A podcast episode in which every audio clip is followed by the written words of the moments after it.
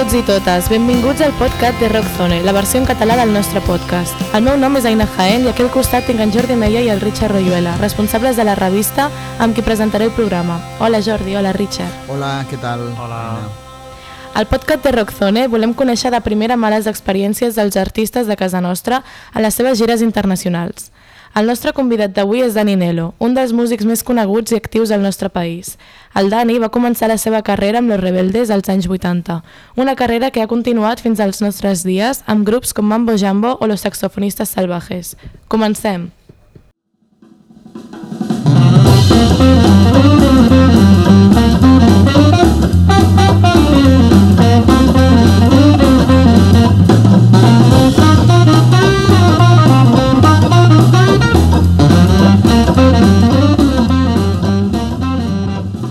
El Dani Nelo va néixer a Barcelona l'any 67 i des de molt jove es va dedicar professionalment al món de la música, ja que en poc més de 17 anys va entrar com a saxofonista de Los Rebeldes. Amb la mítica banda, el Dani va assegurir l'èxit massiu amb discos com Más allá del bien y del mal o Rebelde con causa, amb cançons que ja són part de l'imaginari popular com Mediterráneo o Bajo la luz de la luna. L'any 97, el Dani va decidir deixar la banda amb la que havia triomfat per començar una carrera en solitari marcada per l'eclecticisme, però amb la música d'arrels com a fil conductor. Bandes com Nelo i la banda del Zoco, Tandauri Lenoir, l'espectacle Tabú o la seva pròpia carrera en solitari, a més de col·laboracions amb tot tipus d'artistes, tan importants com Raimundo Amador, Bumburi, Los Lobos o Lee Rocket Stray Cats, són algunes de les coses que el Dani ha anat fent al llarg d'aquests anys i que demostra la seva inquietud. El 2011 va treure el primer disc dels Mambo Jambo, un projecte únic a tot l'estat en el que barregen rock and roll, rhythm and blues, surf i jazz. Els Mambo Jambo és ja una formació totalment establerta, amb 5 discos editats, però això no és un impediment perquè el Dani continuï fent altres coses com saxofonistes salvajes o també fent de comunicador presentant el programa Jazz Watusi a ICAT.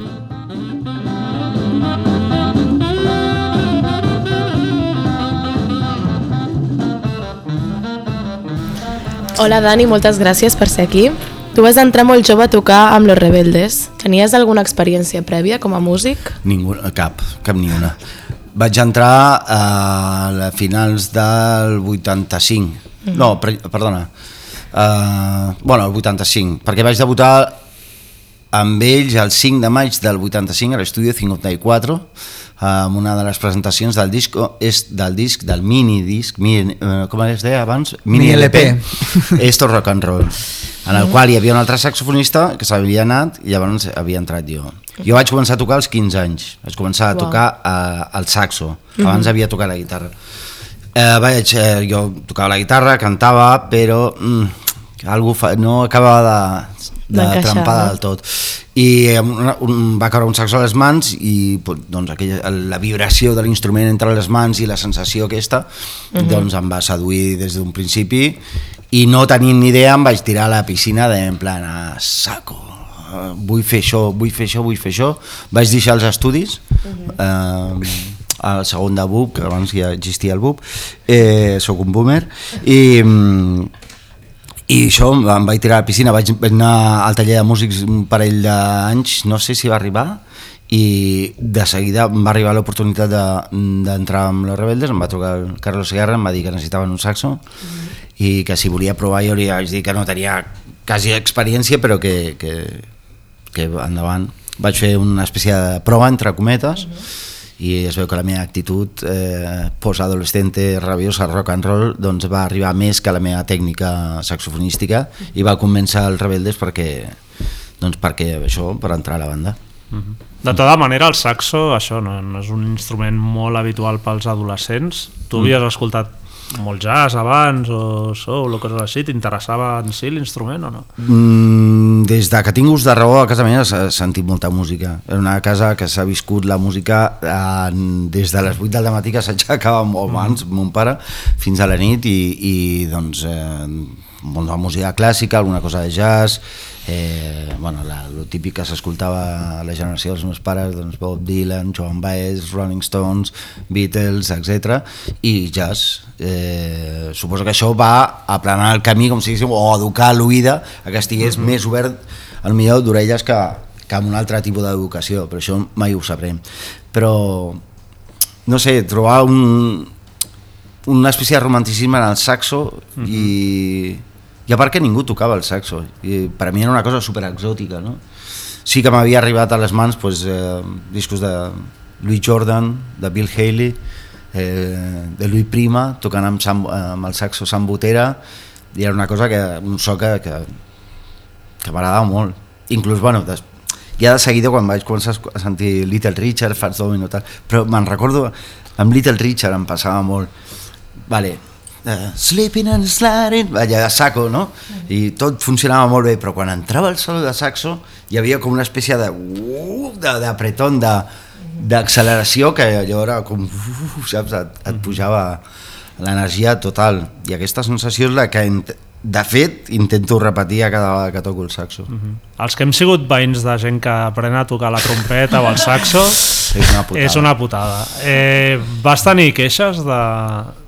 no, tio, no, no, he tingut, no, no he tingut mai queixes eh, molt puntuals, molt puntuals. Soc, eh, soc curós i intento no putejar, o sigui, un diumenge a les 7 del matí no em posaré a tocar, però no, no, no, no, va, no, no he tingut mai. Tot i que tens pinta de que adolescent tenies que ser un bon, una bona pieza, no? Que te la suava molt a les 7 del matí. No tocaves el saxo perquè no tenies ganes. No, no. Però no per lo bon No.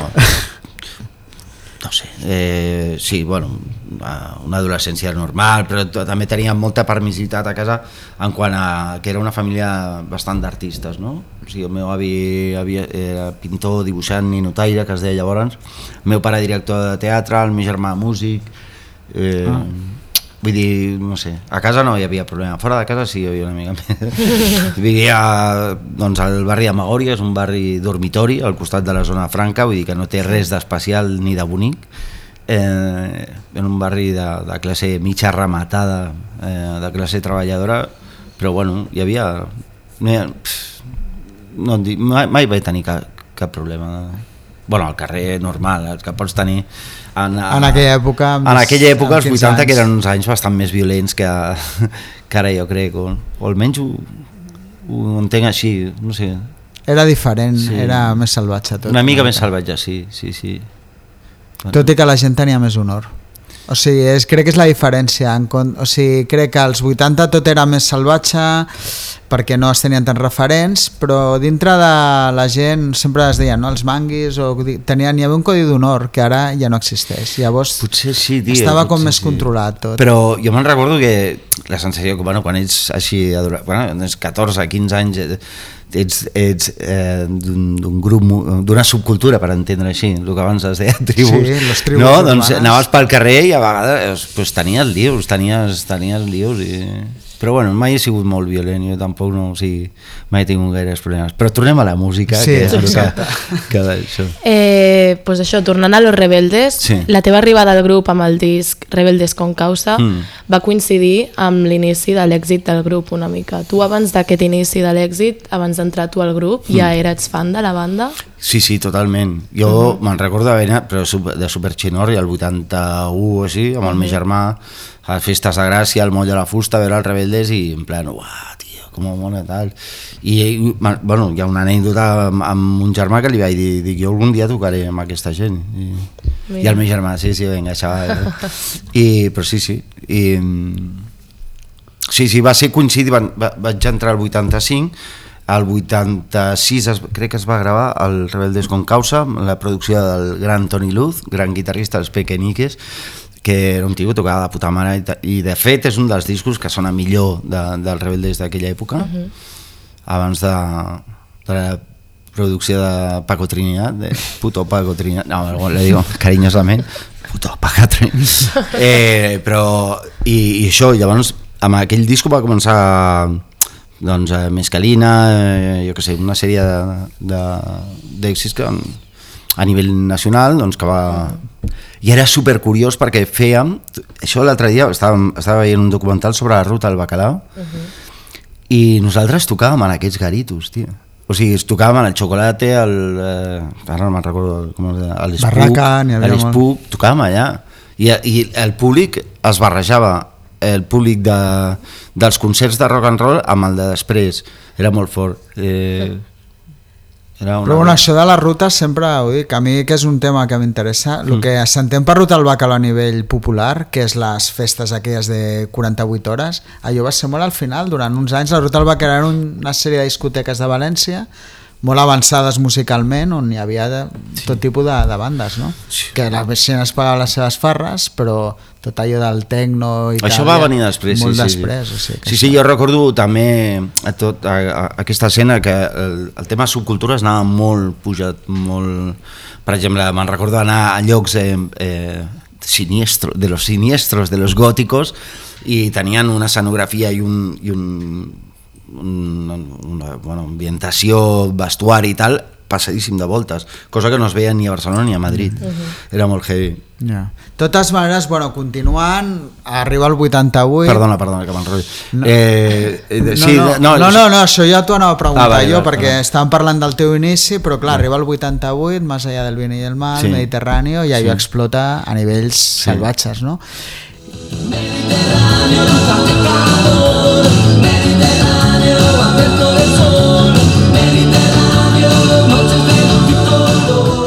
Com vius... Clar, tu has viscut realment l'èxit a nivell massiu i mainstream, que és el que va ser la banda durant... Eres molt jove encara. Com has viu tot allò? Mm, sí, bueno, en part amb molta normalitat i en part com que és una que, que et peta el cap una mica així, t'agafa molt jove i de sobte tens una popularitat que no saps molt bé com gestionar no? eh, tens accés eh, és com si portés un, una targeta VIP per entrar a tot arreu no? com si diguéssim eh, molts més diners que la gent de la teva generació O que els teus pares, no, ja? o, bueno, sí, suposo que sí sí, perquè, sí, sí. Eh, això, que et van parant pel carrer, que tens mm, accés a això, a llocs, a drogues, a, a relacions a, amb el sexe contrari, bueno, les dones de, molt bèsties i, i jo què sé, és, sí, sí, és, és com entrar en un, en un torbellino que no saps molt bé com sortiràs, no? I això et converteix bastant a, un, a un percentatge en gilipolles, eh? O sigui, eh, se't puja el pavo, això és, és, és inevitable, és inevitable. Tu això ho has vist a posteriori o Sí. ja inclús en el moment de que actuaves? No, no, en- bueno, en el moment no, no, no perquè devia tenir 19 20 anys, no? I no, no, no veus que t'has no veus que, que la cosa et supera perquè no, et no tu vas fent, no? Ja. Venen a buscar, te'n vas tal, te'n un bolo, no sé què, una festa aquí i tal.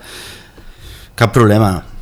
És després, jo crec que és després quan, quan, quan sobretot jo vaig tenir un crack al, que devia ser el 96 o així, eh, que de sobte vaig dir, no, això no pot ser, no, no m'interessa la música, més la música, o sigui, més la música que el que envolta la música. Jo vull aprofundir una mica més en el meu instrument, en un llenguatge que no sigui tan mainstream, i de dir, hòstia, jo necessito això, necessito aprofundir la música, bàsicament. Això, bueno, està bé, en parlarem més tard, Mm. que és evident que tu has tirat la teva carrera fugint del mainstream o no Mm. fugint, però que no t'ha importat tornar a allò o Sí. no l'has buscat descaradament. Diguéssim que els paràmetres que es mouen en el mainstream, eh, la música és un percentatge relativament... és acceptable, però vull dir, no, no, no arriba al, al 70% ni de conya, com si diguéssim. Mm. O sigui, hi ha unes prepondera, o sigui, prepondera una, tot una mercadotècnia, una imatge, un, tot un, una sèrie de coses que, que la música es queda...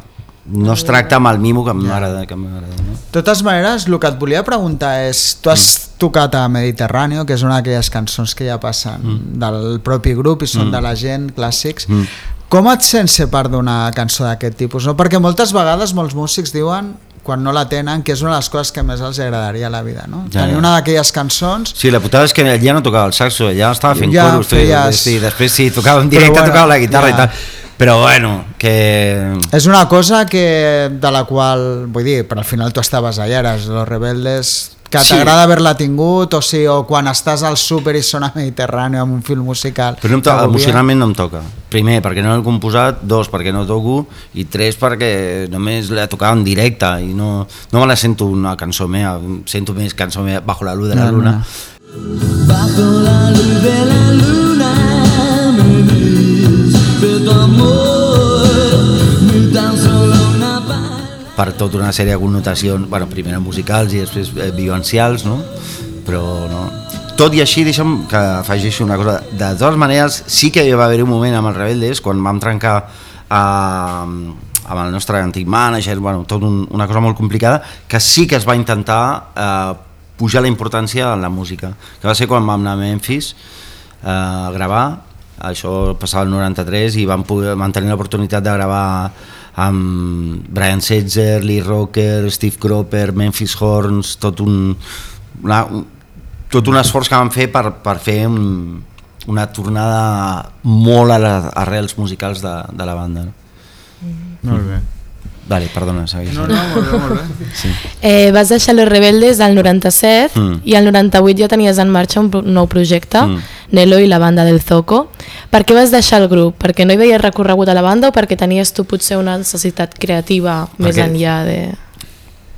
Perquè ja estava, ja, ja. Ja. estava. Ja fue. Eh, van ser 11 anys i, i després hi ha una cosa que, que quan estàs, ets part d'una banda amb un, amb un líder molt definit, no? com si Mhm. amb, amb, en composició, ja, eh, estàs treballant una mica pel somni d'una altra persona, no estàs treballant pel teu propi somni.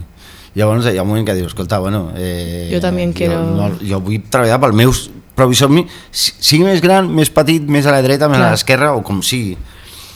Vaig començar amb la banda del Foco, seguint una mica apartant una mica del rotllo mainstream, però estava, estava allà, allà mateix. Universal, multinacional, eh, estàvem allà. Eh, just abans de la caiguda de, de la indústria, de la, parlo de la gran indústria, com, com es concebia abans, no? O sigui, jo, per exemple, del primer disco de Nelo de la Banda del Zoco vaig vendre 25.000 còpies, cosa que ara és, és la rehòstia, i en el seu moment era... Eh, no, todo lo que no venda por debajo de los 100.000 copias Yeah. vamos a, a passar, no? eh, just després de, del 98 va ser quan van, haver van començar a haver-hi les fusions de, de Polygram con Universal, con tal, no sé què, Napster, patapam, pam, pam, pam, i de sobte tot allò que, que hi havia en aquells pressupostos passadíssims de voltes per gravar discos i per fer bueno, això, projectes, vídeos i tal, va, va caure, no? I, i llavors, tam- i llavors el que va passar amb Nel Levant del Zoco és que mm, vaig deixar una mica de cantor al saxo i va haver un moment que vaig dir no, no, cantar està, està bé però no, no, no em posa tant com, el, com tocar el el saxo. saxo. llavors de seguir, paral·lelament a això estava, jo estava tocant aquí a clubs de, de tot Catalunya amb Tandori Lenoir, que era una altra, una altra de les formacions que tenia, ja instrumental, ja de rhythm and blues, i que m'omplia mogollon. I llavors vaig, vaig deixar-lo de Nel la banda del Zoco. De fet, la pregunta següent era una mica per aquí, no? que tu el rol que vas agafar a la banda del Zoco era la de frontman en el sentit tradicional del rock, Sí. no? de guitarrista, Correcte. cantant, i bueno, t'has deixat, no? que no era... Ja ho has dit al principi, no? que no era algo que tu ja t'agradés o, o et sentissis realitzat. I segona, això també ho era interessant perquè t'ho volia comentar, no? la banda del Zoco, recordo que quan va sortir bueno, era Nelo i la banda del Zoco, Mhm. eh, va tenir, ostres, molta promo tal, però això, potser creus que el disc no va arribar on havia d'arribar per les expectatives que n'hi havia. A tu això et va decebre en... o t'havies fet unes expectatives també... Hòstia, jo no, no ho sé. no, jo crec, sí, home, moltes ganes que li vaig posar i, i vaig treballar els temes moltíssim. Eh, amb membres de... Bueno, estava, hi havia algú del, re- de ex-rebeldes i tal i qual, i sí que vaig posar molta carn, carn en l'asador i és, mira, no, me, no he, he deixat de sentir mai de, en plan, aquest disco va sortir massa d'hora, és que et vas adelantar, és que, com puede ser que ese disco no, no, no, no, no anés més enllà i tal igual? Bueno, pues, jo què sé, pues no va passar, no va passar, és igual. Ja està. A lo millor també hi havia una cosa de- d'autoconvicció, jo què sé, tio. No, no, això, de veritat que no... Ja, jo recordo, el Jordi igual se'n recorda, que teníem una amiga aquella època que correva Universal, la Cris, que igual la coneixies tu segur que l'havies tractat, la Cris. Sí, hombre, la Cris, la joder, Cris. I quan la trucàvem allà sempre el, el fil d'espera era, era pura vida, no era el single, Sí, les sí, veia sí. sempre, hòstia, però va estar... No, no, però Pura Vida no era universal, eh? Era... Jo crec que sí, no era el single, almenys el No, single. no, però, però això no, eh, Pura Vida ja era del Cràpula. Ostres, pues, a veure el single d'Universal que era, que recordo la melodia super, juraria que era pura vida, però tu te'n recordaràs millor que jo, clar. O igual Vale, no. vale, Després ho buscarem. Vale, vale, mira. No, però... Però bueno, que realment era un disc que sí que la Sí, no, no, va sonar estava- i va sonar bé i tal, i vídeos i tal, i vam, vam girar. I, I després, bueno, va ser molt, mm, un, un dels punts que, que després sortirà, suposo, és que vam fer, vam viatjar i vam anar a un programa d'intercanvi, vam anar a Illa Reunión, al costat de Madagascar, a tocar. Ah. I allà, allà es va coure una mica al final de la banda, de fet. Va, de fet, ja que ho treus, Sí. s'explicava ara. Com- No, com- bueno, com doncs, anat. sí, sí, jo crec que, que mm, hi ha moltes maneres de viatjar amb la música. Més pro, menys pro, menys, més puntuals, menys puntuals. Jo crec que realment quan funciona és quan hi ha una estratègia darrere i, i hi ha una gent fora. Això és bàsic. Però l'altre són coses anecdòtiques. Ah, i nosaltres, en, ja, en, per exemple, amb Mambo Jambo hem fet coses anecdòtiques, no hem fet allò. I es van tirar 20 dies a, a Alemanya mm -hmm. o tal, o quan venen els guiris aquí, uh, els guiris, quan venen els yanquis venen a, a Europa, que, que veus un, un, Sí, una una llista de 30 bolos i tal, no? que van per feina, van, i, i això precisament quan vam anar a la reunió va ser una cosa com, com anar de colònies. I quan vas de colònies amb la música i quan es barregen oh, colònies, ja m'entenem Ja, ja. eh, una experiència grupal mig professional, mig vivencial és molt perillós perquè, no, perquè es barregen les es barregen les, les, els objectius com si diguéssim. I a nivell de convivència horrorós horrorós.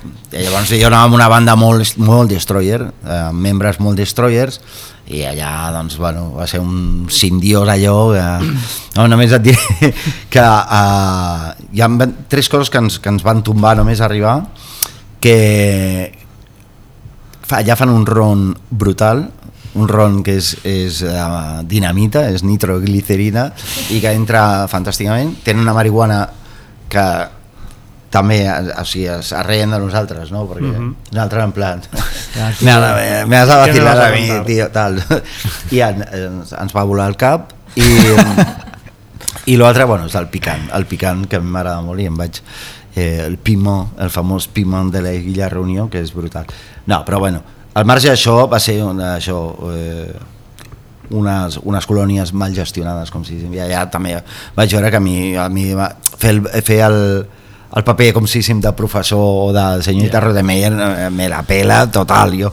però sí que tinc una, un sentit de la responsabilitat musical mm, molt alt i llavors allà se'n va anar, se'n va anar a la merda i allà, allà, allà, allà realment vaig dir sí, ja, tomar por saco uh -huh. o sigui, això no, no m'interessa i, i he d'anar amb una cosa més més enfocada cap a la música, més centrada en, el, en la pràctica de l'instrument i en, o sigui, un, jo diria que sona una mica pedant, però sí que és un, un pas cap a una maduresa de dir, escolta, ja, o sigui, no, per, ja, per posar-se segur ja ten, ten, tenim Ah. altres dies i uns altres escenaris i ens ho passarem millor, no? Però quan es barreja feina, música i això, doncs no. Bueno, és que tu, a més, amb el teu gatx allà de Rebeldes ja havies complert tot allò Sí. de les festes, de, no? Vull dir, Sí, ja havies Sí, complert sí. ja Sí, sí, del no. tot la caixa. Amb, amb Rebeldes, per exemple, el que és Llatinumèric, a Mèxic, tot això havíeu... No, havia, no o vam viatjar. És que nosaltres eh, vam tenir un, un tema molt, molt negatiu, molt negatiu en la carrera de Rebeldes, que va ser un, un management nefast a, amb un tio que ens va, que ens va timar directament. Uh Mhm. -huh. ens va, una cosa que va, després d'una relació de d'uns 10 anys va acabar tot amb, amb judicis, amb diverses querelles creuades, que totes van guanyar nosaltres i un tio ens robava directament, però de... Bueno, clar, era una època doncs amb encara en, bueno, això, en el, el moment del pelotazo més bèstia, com si diguéssim, dels directes a, de, dels 80-90 els ajuntaments es gastaven una millonada en les festes en, en els concerts o en els cicles que es feien, no, no, hi, havia, no hi havia festivals com, com, ara hi ha. Llavors era era un putiferi el, el tema dels, dels catxers, els agents de zona s'emportaven un dineral i, el, i els, doncs, aquest tio doncs, eh, I molts malatins, també, per arriba, Oh, per abajo... i, i aquest tio... Cap factura. No, bueno, jo, jo bueno, nosaltres disbarats, eh? vull dir, de... jo me'n recordo una vegada, no diré l'Ajuntament que era, però del sur, que ens volien pagar la meitat del cacheta amb costo. Hòstia puta, ella. Sí, no, no, tenemos... Un ajuntament. Un ayuntamiento, mira, tal, te, tenemos medio kilo de chocolate para acabar de redondear el tal igual, no, una de, comis de comisión y tal, o sigui que, que Hòstia, era tal. increïble. Total, que, que llavors, bueno, tu estàs amb el teu, estàs amb el teu núvol, com si de popularitat i de tot això, i tampoc no porta els números Ja. en, en, en, en sèrio, com si diguéssim, no? Ja. i bueno, va acabar fatal l'assumpte. I això va ser una de les raons per quals una mica com el- l'altre dia que veia la pel·lícula de, de l'Elvis amb el Coronel Parker que clar, el tio tenia controlat a Espanya la tenia en plan com su, com su Ja. feudo i qualsevol cosa de fora era com que no li interessava en absolut no? i això va ser una putada sobretot pel senyor Carlos Segarra que hagués fet molts més diners com a autor no? Clar. no? perquè al, al sortir fora doncs, hi ha una, un, tot un tema de llicències de diferents, de diferents països que hagués ingressat molt més diners i eh, bueno, la música hagués arribat més, més enllà no? és, aquesta és la història I amb, el- I amb la banda del Zoco, a part de la reunió, perquè clar, estan Universal, suposo que també tenen una visió això més, més van fer global, alguna o cosa a no? França i, i ja I està. ja està. Llavors va arribar el, el tema de... Arribem al... Bueno, sí, perdona. Sí, sí, sí. No, No. no però que arribem al, al tema de, de Mambo Jambo, que és ja com si diguéssim eh, un, una altra època per mi musical, però que, que estic instal·lat totalment en la música instrumental.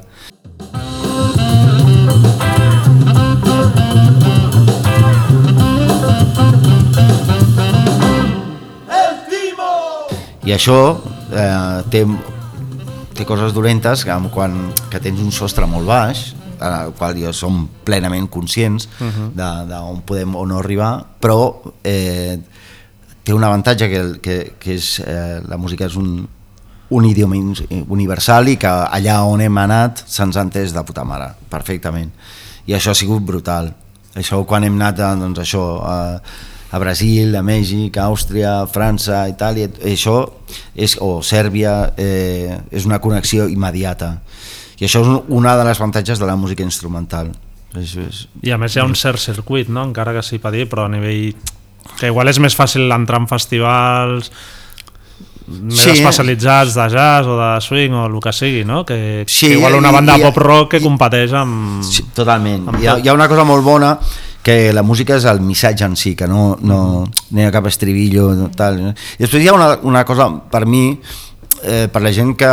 Bueno, per, no per la gent, collons, per mi, d'aquí, de Barcelona, que tenim un lío amb el tema de l'idioma fort. Eh, jo escolto molta música anglosaxona, eh, m'expreso escrit, es- m'expreso millor en català, eh, cantar en castellà mm, m'agrada lo just, eh, però a la vegada o sigui, tenim un, un Ja. d'idiomes que diu, hòstia, si canto en anglès la, o sigui, pronunciaré de merda no, la meitat de les coses m'haus- m'ho m'ho hauran de traduir si canto en català no sona a la música que a mi m'agrada i cantar en castellà sent d'aquí, hòstia, no, mm, sí, però no, va, no escric lo suficientment bé en castellà com si diguéssim, encara que hagi tingut la- l'experiència en el, la banda del Zoco, com per fer-ho allò en plan, sí, este soy yo, no? Llavors, hòstia, per, davant d'aquest bochinche d'idiomes, prefereixo... No cantar. No, bueno, eh, expressar-me amb el meu instrument, no? Mambo Jambo, que ja has parlat una mica del grup, s'ha convertit en el teu projecte principal, diguem-ne. Mm. Quan vau començar, era la idea de que fos una banda duradera o era algo que anava a ser més eventual, més... jo mm, no sóc conscient o sigui, sé, sé que a vegades havien comentat bueno, claro, és que esto tampoc no, dura, no, no durarà 5 anys no? eh, havien dit, bueno, tu tira i anem, anem veient, aviam què, què és això no? però bueno eh, vam, jo crec que vam anar trobant un, un llenguatge hem anat trobant un llenguatge uh -huh. que s'ha anat elaborant si, jo l'altre dia estava escoltant amb, eh, uau, estava al barber i sonava una cosa del, del primer disco i hòstia, realment sí, han passat coses musicalment uh -huh. hi, ha hagut, hi ha hagut una elaboració del llenguatge hòstia, que ha anat a més no? I, i que intenta mm, dir més coses només que, que divertir o que fer un Ja. baile vertical de saps? No, vull dir, crec que hem, hem trobat un, un llenguatge un, o sigui, di- dit d'una altra manera, la música instrumental és un llenguatge en el qual nosaltres hem trobat un idioma, un idioma propi, un idioma de mambo jambo, no? Una pregunta que igual et sembla molt estúpida, No. potser ho és, però jo sempre he tingut molta curiositat. Quan ets una banda instrumental, els títols de les cançons en funció de què es posen? M'apassiona que em faci aquesta pregunta. perquè no, perquè és que dius, hòstia, sempre m'ho he plantejat, dic, en què està basat un... Doncs amb la sensació. I això és, és que és el millor, perquè és com... Allí és quan, quan entra realment la fantasia, tio. El, o sigui, el, el, allò que tenies quan, te, quan tenies 14 anys o 13 anys i senties una música i esto es muy tal, no? I tu, hòstia, esto es de la jungla, no? Saps? I tu, ah, tal. Però això, hòstia, és de les coses que em gratifica més de, de pensar i de, al millor, joder, els millors títols no són gran, tampoc gran cosa, però sí que el que sempre dic, no? que amb 3 minuts i mig de música i un bon títol, tu et pots fer una postal per endur-te al teu coco, com si diguéssim quan estàs, per, per exemple, això passa amb Mambo Jambo, no? Mm. Que jo que sé, eh, contra les cuerdes, tal, no sé què, i, tu, i hi ha un tema així que és com d'acció, que és apretat en el moment que va sortir, no? que just després de la pandèmia, tal i qual, hòstia, sí que et dona una sensació. Bueno, no? Jo música, crec, com si en diguéssim- el vostre cas, eh, jo quan escolto els vostres discos, o sigui, sí que la pròpia títol de la cançó ja em condiciona un, un- no sé, a una imaginació visual, no?, de, que em ve ja donada pel propi nom, no? I després sí que jo crec que tu adaptes aquell nom a, a el que està sonant, que probablement en el vostre cap també vol dir alguna cosa. Però no sé, és que és un procés que Ja, sempre però jo crec que hem curiós. crescut amb, amb, una, amb, un, amb un món de moltes referències de subcultura, bueno, a part de la, del tema subcultural, de, de, de la cultura popular, de còmics, de, de sèries, de, no de les d'ara, sinó també de, dels anys Starsky Hutch. 50, 60, 70, eh, molt de cine, molt de, molt de fanzine, o sigui, tenim tot un món, un visual molt ric, molt, super ric. Eh, I diria que pre- pre-internet també, o sigui, que no, són- no ve d'ara, com de l'Instagram que vas fent un scrolling ahí com un subnormal, no? sinó que, que tens, tens molt més. I això alimenta alimenta la imaginació, tio. No, a mi em, em flipa quan una guitarra et sona a, a exòtica eh, que amb, amb, una, mm, amb una bateria et sona tribal o i tal i amb aquests espècie d'ítems que tens al cap eh, acabes fent no? Una, jo què sé, juerga en la jungla, jo què sé, ara, el, Ja, ja, eh. el que tu vulguis, no? Saps? Sí. Bueno, en, en el podcast han passat grups i artistes de tota mena d'estils. Mm.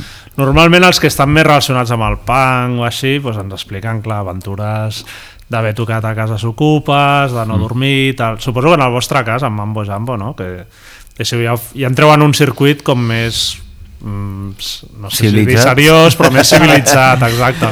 Però us heu trobat algun cop anant por ahí de que dir, hòstia, on collons estem tocant, eh, això és un... Aquí, eh? A fora, no, bueno. a fora. Sí. Sí, home, sí, sí, sí, home, sí. Per això passa, aquest, aquest factor és excitant a vegades i a vegades és, és molt decepcionant, no? Uh -huh. eh, jo no sé, jo me'n recordo aquí, aquí a Espanya, una vegada eh, va caure un bolo i, i des d'aquí, des de l'oficina de, de Bon Ritmo, hòstia, no, hem trobat un, una cosa, és un poble molt petit, es diu Aldea de Sant Miguel, eh, està, està per Castella, ja ho veureu, no sé què, tot igual. Joder, i vam arribar allà, és que no, o sigui, bueno, era com Quijote la Manxa, tio, o sigui, no hi ha, eren quatre cases, eh, mm, hivern, tal, i seguint el, la, la, això, el Google Maps, arribem a un bar, però un bar de domino de... De, De poble, no? No me jodes, tio. I sí, sí, vam, I vau tocar. Vam, vam tocar i amb un, un d'això i va ser la hòstia.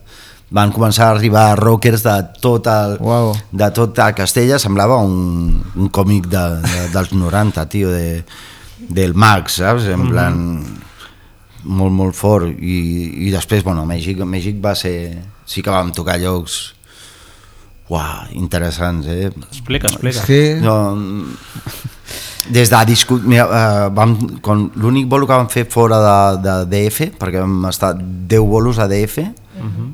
que no es molestaven entre si, perquè és enorme. O sigui, podies portar eh, cartelleria que una estava, bueno, vull dir, no, que quantos, 20 milions de persones, jo què sé, una bogeria. I van tocar Texcoco i arribem i era una, una discoteca ochentera d'estes de, de, bueno, tremenda eh, d'aquesta que els greus et, et rebenten eh, l'estómac no? de, i tal, i sí, sí, vam fer allà i va, va funcionar molt bé, la gent van tocar i, i tal i just quan acabem de tocar de sobte s'encenen totes les llums del, de la discoteca i entren 50 pasmes amb, encaputxats amb matralleta en mà Wow. Esto es un operativo, tal, no sé què, tal. Nosaltres, clar, estàvem al camerino, no vam, això no...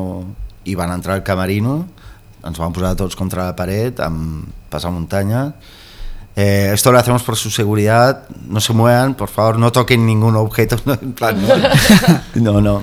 Y, a, man- y a mí me han dit, eh, usted, por favor, tal, que ella eh, abra esta maleta, tal que era el meu saxo, tio, i jo, ja, bueno, haguéssim pogut posar allà el, el que que haguéssim volgut, no? Però, però també amb l'eufòria de, després del bolo pues, no, no va ser una cosa dramàtica de en plan, me cago por las patas, no, no, va ser, ah, bueno, pues te lo enseño i tal, i tal, i bueno, vam estar allà una bona estona, en silenci, veient aquests tios allà fent, olorant la seva suor de, de sota els, els El passamuntanyes, tio, i era en plan, uah, tio. I després no va passar res, és por su seguridad. Estamos buscando armas i ja està. I, jo què sé. I coses d'aquestes a vegades... Et, et, i després a Brasil, a Brasil vam, com vam tocar va, va ser tremendo, també molt bon rotllo, molt bon rotllo, però tenies que anar molt en compte, no? perquè el típic, que t'equivo- t'equivocaves d'un carrer i era mala onda, no? Però jo allà, mira, em va, la cosa, de les coses més curioses que m'ha passat amb so, jo tenia un monitor, uh, era un festival de dansa i el, i vam tocar en un lloc molt, molt xulo, amb molt bona equipació tal, i després vam tocar llocs una mica més d'estar per casa i tal. I tenia un monitor aquí, i jo dic, hòstia, què marca serà, tio? Perquè la, que la marca era un, com un llangardaix, no? I tal, hòstia, vale, vale, així de color, super, està super bien hecho, tal. Comencem a tocar i hi havia un llangardaix dintre del monitor que amb els greus es va començar a flipar ah! i va sortir, jo què sé, tonteries aquestes. Eh, però va ser molt, molt bona experiència. Jo crec que quan surts fora has d'estar super obert i no has de pensar estic tocant per francesos o italians o alemanys, estic tocant per gent. Has de mirar els ulls a, a, a la gent que tens davant i intentar ser tu, no has de fer soy un producto, soy un personaje los cojones, no, tio, ets una persona humana que està tocant i ha d'arribar, has d'intentar arribar com amb bona voluntat. Això és la meva màxima, no? A quin país la gent balla millor, la vostra música? Anglaterra, suposo. Anglaterra, hòstia, sí, quan hem tocat a festivals allí... Sí. Va, era molt curiós perquè... Uh, Sí, perquè no tinc dels anglesos una visió de bons ballarins. No, eh? però estava, però era molt... Hombre, jugàvem a casa, yeah.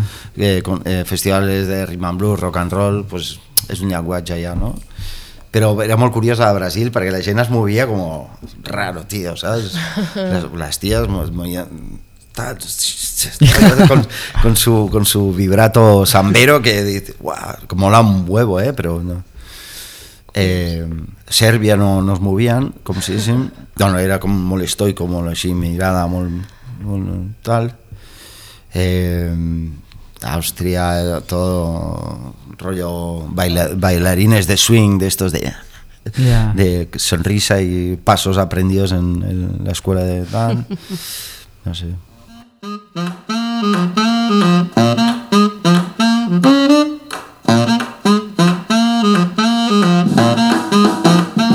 altra banda, també tens projectes com Los Saxofonistes Salvajes i Dani Nelo i Organ Trio. Sí. Ens pots explicar una mica els teus projectes en els que estàs involucrat ara mateix? Sí, Saxofonistes Salvajes era una cosa eh, que, que sempre havia volgut fer que era uh, agafar les meves referències, passar-les pel meu Turmix mm -hmm. i doncs uh, ser agafar com a les carreres d'obstacles no, de, de relevos que agafes el testimoni no? d'un i el portes més endavant no? jo crec que hi ha una tradició de saxofonisme des dels anys a finals dels anys 40 fins ara que, bueno, que ha anat sobrevisquent i és un, també un, un llenguatge dins de la, de, de la música afroamericana que va néixer com una cosa molt local i s'ha convertit en una cosa molt universal, no? el llenguatge del rhythm and blues i del rock and roll, i, i dins d'aquest hi ha l'especialització, com si del saxo, no? i el saxo és un instrument pues, que, que va ser llavor del rock and roll, perquè va ser una mica el pas del swing al rhythm and blues, no? De les grans orquestes de swing que mm, a la postguerra no es podien aguantar no? Per, perquè eren com portaaviones eren 30 mm, tios que anaven amunt i avall i a part ja s'havia quedat una mica de modé solistes d'aquestes big bands van començar a fer formacions alternatives més petites, quartets, quintets, septets i també estaven buscant eh, un altre tipus de llenguatge més, menys sofisticat, més de carrer, més que connectés amb la gent jove del moment i doncs d'aquí va néixer una mica el rhythm and blues. Del rhythm and blues va anar la cosa evolucionar cap al rock and roll que el rock and roll cap al soul etc etc el funk tal.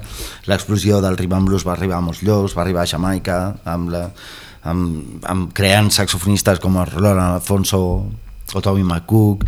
Eh, va arribar a Europa va arribar a tot arreu no? i és una tradició collonuda a la qual jo dic els saxofonistes salvajes que va arribar suficientment lluny, com si perquè un xaval de Magòria als anys 80 tingués ganes d'agafar el saxo i, i fer el que ha fet. I, i això, i aquests dos discos de Saxofonistes Salvajes recullen doncs, eh, peces i personatges que a mi m'han impactat al cervell i que, i que transmeto, com si intento que no s'apagui la seva llum i que arriben al segle XXI. És una mica aquesta la, la història. I l'últim eh, de Darinello més Organ Trio és que molts d'aquests saxofonistes eh, des, a finals dels 50 post, no per rock and roll però paral·lelament al rock and roll com un, una de les branques del rhythm and blues se'n va anar cap al tema dels organ trios uh -huh. que eren organ groups que es deien que eren formacions sense baix amb Hammond, bateria, guitarra i saxo i això, la, la irrupció va ser bastant brutal per, per les grans formacions, perquè de sobte el, el, la gent, els clubs, eh, els grups veien que amb un quartet tenien, podien tenir la potència de, no, no d'una big band però d'una gran formació, no? perquè el Hammond és com una espècie de big band en si, l'òrgan no? eh, i també era una, una conta, un compte pendent que tenia eh, els meus herois, grans dels meus, molts dels meus herois han passat per organ grups i ara estic amb això.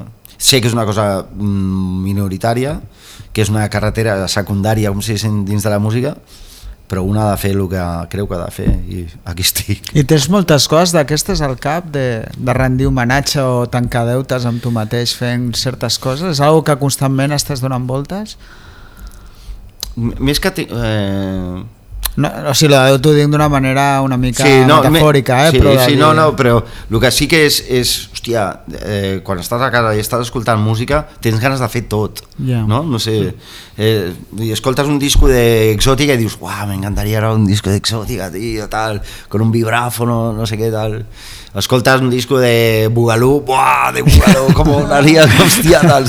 No, no hi ha vides suficients per fer, per fer tot el que ens agradaria fer bueno, sobretot mitjans i sobretot de, després com, com, ta, com alimentes això no? Yeah. I, i, i, però després veus gent eh, veus que fa apostes super suïcides i, i jo o sigui, segueixo creient amb el gènere humà musical de, del músic que dius, hòstia, hi ha uns colgados, tio, en Suècia que fan, que fan exòtica i, i es, es, es maten vull dir, a, a intentar treure el so aquell o el que sigui, o portar més enllà hòstia, jo, això crec que és collonut no? que això dona esperança de que no tot és mercadotècnia, que no tot és Spotify, que no tot és, és grans plataformes, sinó que també hi ha menudeo, no? que també hi ha que també hi ha botigues de delicatessen, que no totes yeah. són grans superfícies, no? com si diguéssim. Uh -huh i el dia que, que és que sempre, sempre existirà això jo crec Fet parlant de delicatès, una de les coses que et volia preguntar era per Tabú, que va ser un cabaret que vau fer sobre el 2010, no? Potser ara hi ha les dates, que ho Bueno. fèieu a l'Apolo, teníeu com una residència, si no recordo mal. Eh, abans has parlat una mica massa d'hora, potser allò sí que vau fer en un moment on és veritat començava el burlesc a posar-se com de moda aquella estètica, però que era una cosa bastant eh, vanguardista, tot i que era algú que, que anava a temps passats, però que sí que realment no era, era innovadora com a mínim. Allò, està mort, eh, és algú que algun dia podeu retomar i creu realment que, que la gent no va acabar d'entendre el concepte de, de tabú o... Bueno, quin és el teu punt de vista ara d'aquella història? Jo sé que m'ho vaig passar fantàsticament, que era una cosa que sí que... Mira, jo el 2003 eh, me'n vaig anar a San Francisco i jo, de fet estava cremat d'aquí, de, precisament sortia de l'Anel davant del Zoc una mica, i tal, hòstia, ara que un altre inventar-me una altra història, tio, estic hasta los huevos i tal, i, i me'n vaig anar a San Francisco i em vaig tirar quasi un any. I, i vaig veure coses molt interessants en aquest sentit era quan eh, eh, potser als Estats Units el, va haver-hi el revival el, el, el neo swing això va ser el 95 tal, la cosa va anar creixent fins al 2000, 2000 i alguna i encara hi havia doncs, tota aquesta espècie de de retrobament o de- d'agafar coses antigues molt d'arrel, no? com, com de, això, el burlesc, el swing i tal i qual, i portar-ho al segle XXI. I a més, era molt curiós perquè això ho portava gent que venia de, per exemple, del neo swing Eren tots del punk. venien del punk, Tots. tio. Totes les bandes que, eren- Que, la- en la seva majoria eren, venien del punk i, eh, i, i quan veies el tema del burlesc no era una cosa suau, eh, superfemenina, que no, no, eren unes ties supercanyeres del copón, superfeministes que se reivindicaven, que se gestionaven, que es gestionaven a si mateixes, que eren les seves pròpies managers i que, que no anava de, de... no hi havia una lectura eh, D'explotació de la dona, sí, no? de, de patri, com es diu? De, Patriarcal. Patriarcal, eh, eh, hombre blanco, etc. I, I em va impactar moltíssim, tio, i sempre, eh, sempre una de, un flipe d'aquests, no? De, com et deia, lo del bugalú, de l'exòtic i tal, hòstia, lo del, del burlesc. Llavors eh, va sortir la, la possibilitat amb, amb el Juanjo Barrantes, que és, és un dissenyador, i amb l'Alberto Guijarro, de l'Apolo, van dir, escolta, per què no ho fem i tal, van començar allà, i com ho podríem fer i tal, i, i sí, sí, i la gran, la gran diferència amb diferents shows que, que he, he vist a, havia vist en el moment doncs, jo què sé, a Tòquio, a Londres a, a Itàlia havia alguna cosa que també havia vist no, no era en format rock and roll o sigui, la gran in- innovació nostra eh, bueno, aviam, ni que fos la, la invenció de, de la partició de l'àtomo, no? Però, però, però sí que, que, que vam ajuntar el tema musical molt fort, no? De fet, Mambo Jambo va néixer allà, i, i el tema de les, de les, de les de barrejar-ho amb el burlesc més el tema sideshow no? perquè també sempre intentàvem aportar doncs, un, un tragasables un, eh, què més? hi havia un llançador de ganivets eh, sempre hi havia el factor una mica circense Ja. no? llavors eh, un, era un autèntic show de varietés rock and roll no? a més el paral·lel era, era, era hòstia, va, això va durar 5 anys primer ho fèiem mensualment després trimestralment i després ja la cosa no, no, no, no era molt rentable per, jo crec, per, fin, o sigui, va arribar a un punt que no era rentable, va haver-hi com si el seu pico i després va anar, va anar baixant però clar, és que era un pollastre important perquè portàvem era, a lo millor gent que performava sobre l'escenari eren 12 persones eh, més els tècnics i tot això no? molt ca- molt car, clar, era molt tot. car portàvem noies de, i nois, perquè també hi havia burlescos, eh, d'Anglaterra, d'Àustria, de- d'Estats Units, eh, que estaven girant per, a- per Europa, eh, o sigui, era... I d'aquí, clar, aquí se- era bastant limitat el, tio, el tema perquè no hi havia gaire, gaires ballarines de, de burlesc. Però sí va ser, bueno, d'allà de fet la, la onda expansiva del tabú ha arribat amb, amb, moltes, amb moltes coses no? Amb de, amb de Mambo Jambo el més, el més bèstia, no? perquè ja van començar a veure què podien fer, què no podien fer, o sigui, de, de sobte van veure que tenia un potencial eh, escènic musical bastant potent com per posar-hi fitxes allà i dir, hòstia, això ho hem d'ensenyar eh, por ahí, no? I, i allà es va crear el... de fet el tabú al principi sabia dir Mambo Jambo, era un dels noms Hòstia. era un dels noms que, Ah, que hi havia no? I era, o sigui, va néixer tot, tot allà van col·laborar amb gent amb altres músics d'aquí amb gent de, amb, el, amb el Mike Sánchez amb, amb el, jo què sé eh, bueno, amb gent d'aquí els Velvet Candles eh, amb, ja què sé, un munt de gent va ser una experiència sí, i el que tu dius mucho rollo, però després la gent retratava poc mm, de l'escena rockera, saps? Vull dir, venia al final una de les coses que sí que era una mica... No, no bajona, aviam, no, no em malinterpreteu, però sí que el, el, el, la mitja d'edat va, anar, va anar pujant, com si sí, amb el temps. Al principi era una cosa que era molt, molt de gent eh, jove, no? Com si diguéssim, i després, hòstia, era, era curiós, no? Bueno, però ahí, ahí està, està. De fet, no, no s'ha fet eh, cap altre burlesc així de gran format aquí, d'aquest estil. D'altres així més d'això sí, com el, el Hole i... Però ja Aquestes- són altres sí, històries, són no altres històries, no té, no té res a veure. Això era molt, bastant subcultural, era bastant...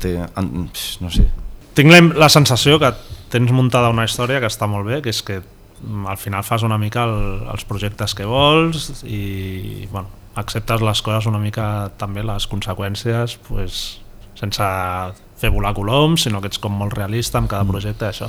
Però si per exemple ara tinguessis una oferta, jo que sé, de Lenny Kravitz o Bruce Springsteen o Robbie Williams per fer una gira mundial Hòstia, com, Robbie Williams, com, no, com a part d'una secció d'events, ho faries? Com a part d'una secció d'events? Sí. Hòstia, com a secció no. No. Com a solista, Com a solista potser sí. Sí. De Robbie Williams no, també? Robbie Williams no. Encara que n'hi haguessin molts diners? Si tienes un precio... Ah, no, tio, però és un puto és un pal, tio. No sé, no sé. No sé, primer... bueno, amb, no, pues jo- amb qui ho faries? No, hombre, exemple, ja, hombre, joder. Rolling Stones? Hombre, segur, per això sí, clar, clar, no, tot això sí. No, no, i... No, no, i tira més avall que també, eh? Vull dir que, no sé... Eh... Ara abans estava veient Jamiroquai. aquí... No, ara estava veient aquí Fan Loving Criminals, me, me voy mañana, eh, yo que sé. Bell Reis, me voy mañana, eh, yo que sé. Eh, però bueno, eh, és, és, és, sí, és una bona pregunta. sí, no, no això, això passa, això passa. A vegades m'han trucat de coses super bizarres, tio, de, de re, que, coses que no tenien res a veure amb mi i que hagués pogut... Bueno, un cas molt, molt curiós és... Em va trucar la pegatina, tio. Saps què dice? Eh, tu saps el que faig, tio? Saps? No, no, que ho respecto i no, no, no, no d'això, però... Eh, col·laboracions m'agrada fer. M'agrada, o sigui, per exemple, amb l'Ariel Ariel Roth he, he col·laborat amb, amb, amb això del Kiko Veneno tal i qual. Eh, ara l'altre dia vaig tocar amb el Loco amb el Loquillo que, va, que curiosament és una cosa que, que em truca a cada disco i després no, no, no giro mai amb ell ni, ni res però em, em va trucant eh, per gravar i no sé he gravat amb, Ja, amb mogollon de gent i... però això de girar, de posar-te segueixo amb la idea de hòstia, posar-te al servei del somni d'un altre hòstia, tinc una edat vull dir, eh, ara tinc 55 anys. Uh -huh. què em queda de tocar? Bé, de, de tirar-me a la carretera a saco. 10 anys eh, bé, després no dic que, que no deixi de tocar no? però hòstia, doncs s'han d'aprofitar. S'han d'aprofitar i s'han d'aprofitar bé per això, li, per això li dic al meu manager que em tregui el, més bolos que t'exprimeixi que ara, no? m'exprimeixi ara, no, de, no després no? però sí, és una bona pregunta sí, no sé, Bueno, sí, sí ja hi pensaré ja hi pensaràs. Mm. Bueno, a veure si sona, sona el telèfon, no? També perquè te la plantegis en sèrio. Sí. Mm. Però bueno, de, totes maneres, és que això... eh, Hi ha diverses coses. Quan vas de col·labor col col·laborador eh, i no toques a tot el bolo, hòstia, és una putada. Perquè estàs allà... Eh, és com, com aquell jugador de futbol, el revulsivo, que sale en los últimos ja. 20 minutos. Estar allà que et xupes tot el bolo entre bambalines veure com estan disfrutant l'altra gent i tu no estàs tocant, llavors surts estàs una mica tens fins al cap de dos temes que ja està, ja se, ja se t'està O acabant pitjor encara, que pots sortir en moments intercalats durant el bolo, que no acabes també, de pillar el ritme. això també, això o sigui, també. perquè els hits porten saxo, però van... Això, eh, clar, però té una part bona que és com si diguéssim que surts i és un, un caballo de refresco, no? Saps? Saps, no? Ah, que bien. Però bueno, bueno. Tu que ets bastant estudiós això del jazz, el swing, d'estils que en el, van ser molt populars en un moment donat mm. i que ara s'han convertit en una, en una cosa molt de nicho i quasi bé, no sé si dir-te arqueològica en certa manera, no? Mm. Eh, creus que això passarà veient una mica la tendència pues, amb estils que ara considerem com molt populars, pues, com pugui ser el rock, el pop o, o el heavy o coses així, que acabaran sent marginals o només per un cert públic molt concret? Saps? Jo crec que una de les fronteres de, dels estils o de les tendències musicals és quan s'ensenyen a, les- a, a les escoles i quan no. Quan pertanyen al carrer i quan no. I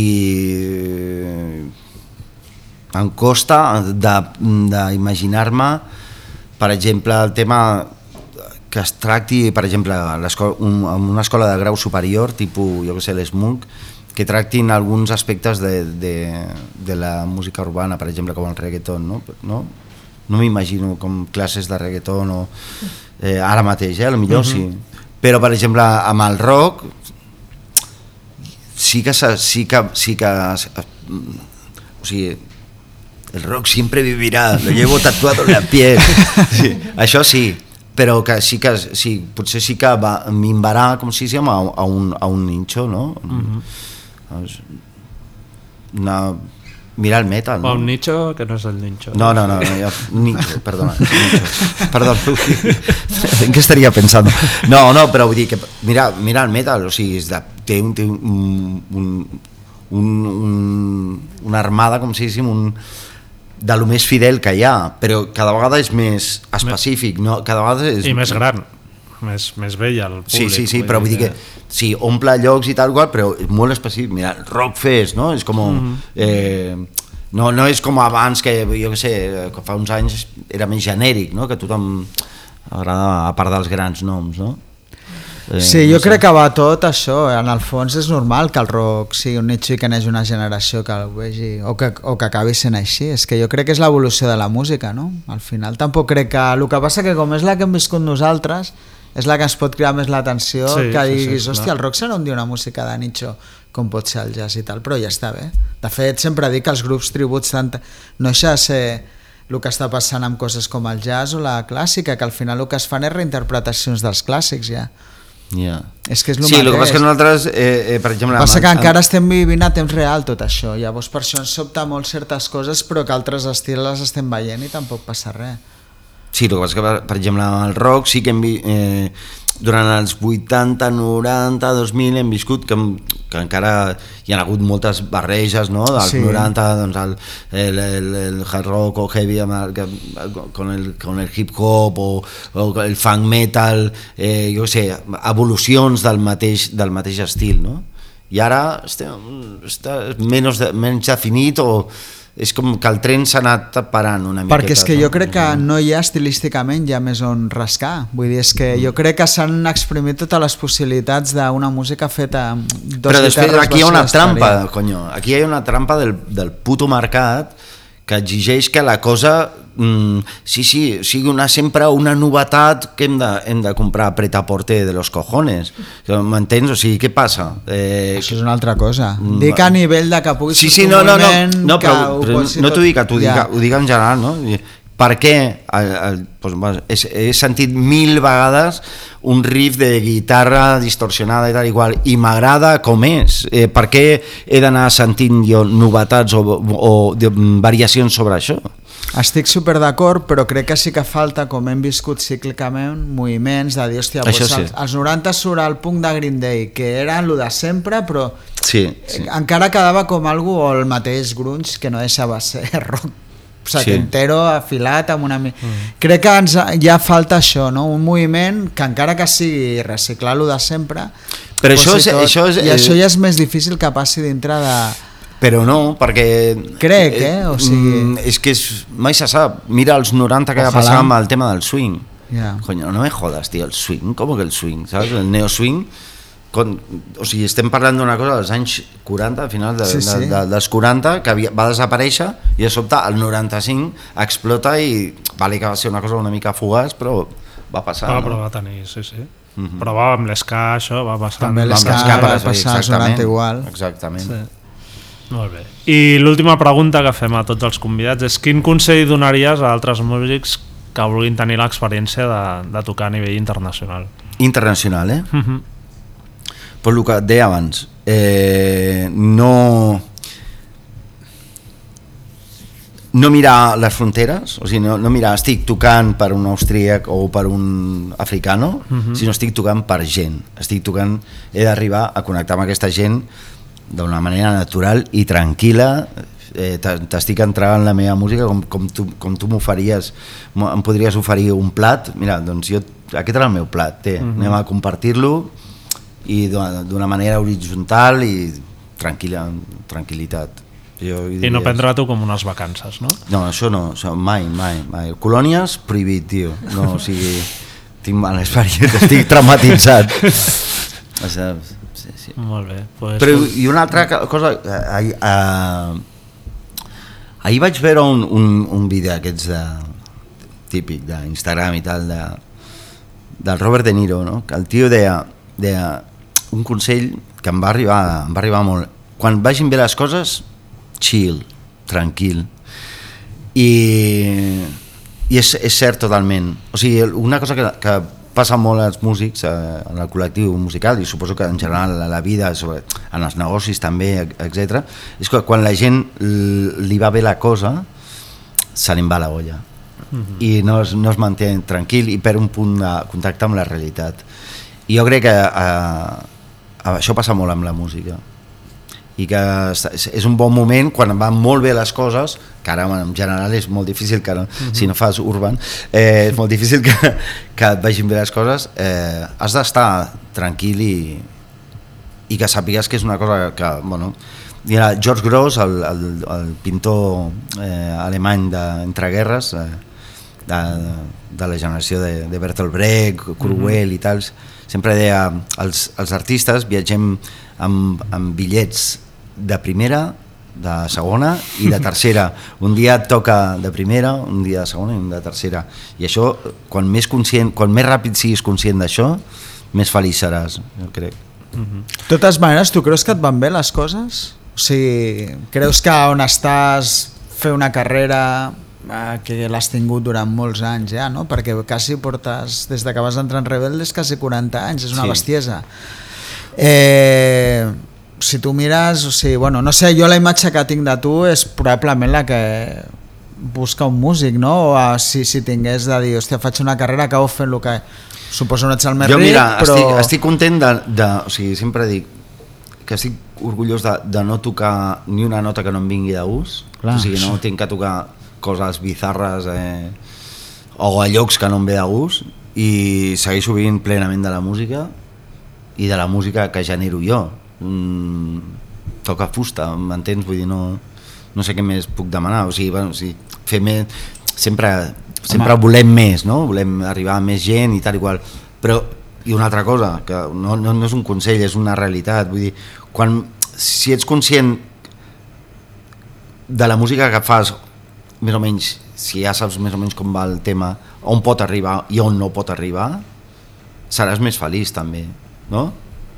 Que això és el que li feia molt músic. Sí, que al final dir- és la pèrdua, no? De... Clar, vull dir, si fa, o sigui, faig pavo, rima en blues instrumental con saxofón, no vas a tocar el Palau Sant Jordi, o sea, seguro que no, saps? O sigui, ja saps que no.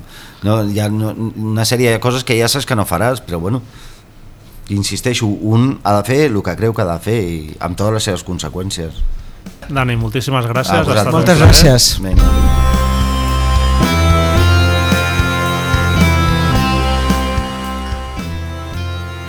Us podeu subscriure al podcast a qualsevol plataforma on els escolteu habitualment, Spotify, Apple, iVoox, i també ens podeu seguir a la nostra pàgina web rockzonemac.com i les nostres xarxes, Facebook, Twitter o Instagram. A reveure...